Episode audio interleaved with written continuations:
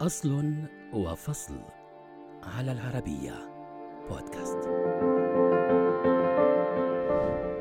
كان التعليم القديم يتم من خلال التواصل بشكل فردي مع الأبناء داخل وحدة الأسرة وأسهمت الجهود المجتمعية والفردية في نشوء المدارس واحتاجت التجربة لآلاف السنين للوصول إلى شكلها الحالي فكيف تم اختراع المدارس؟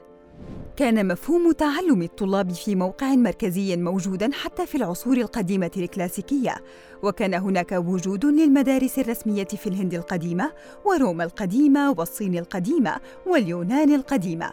وكان التعليم القديم يركز على الصيد وصناعة الفخار ونقل المعرفة من الشيوخ. في عام 425 ميلادية تم إنشاء نظام التعليم الابتدائي من قبل الإمبراطورية البيزنطية وخصصت هذه المدارس في المقام الأول للأفراد العسكريين.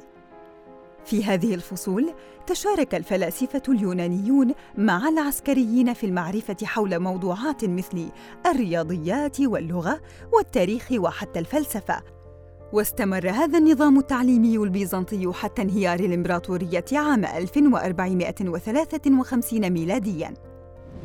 تقريباً في عام 1369 كانت لدى هاري بي فكرة بدائية حول المدرسة، حيث كان يجمع أطفال الحي الذين يتصرفون بطرق غير مقبولة في مبنى ثم يعلمهم بعض ما ينفعهم. كانت الفكرة قاسية، لكن أولياء أمور الأطفال المعاقبين أحبوا الفكرة ورأوا أنه يستحق التقدير لفكرة تصحيح سلوك الأطفال الخاطئ.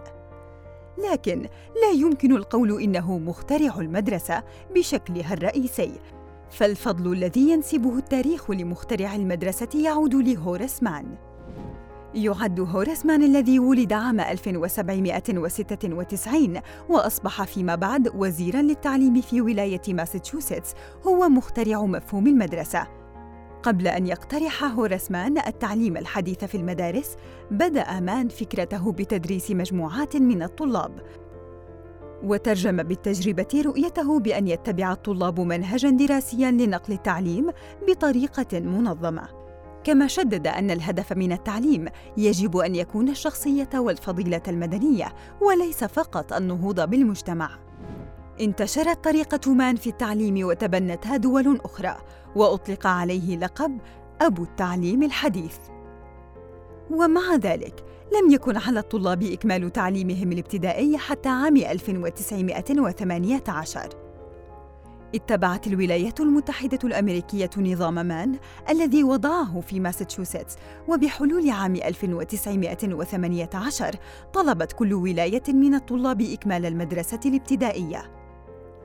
مع مرور الوقت والتحسينات التعليمية تطور التعليم إلى الأنظمة المتقدمة المعتمدة اليوم لكن الطريق إلى ما تم التوصل إليه اليوم لم يكن قصيرا واحتاج لمئات السنين إن لم يكن للآلاف منها.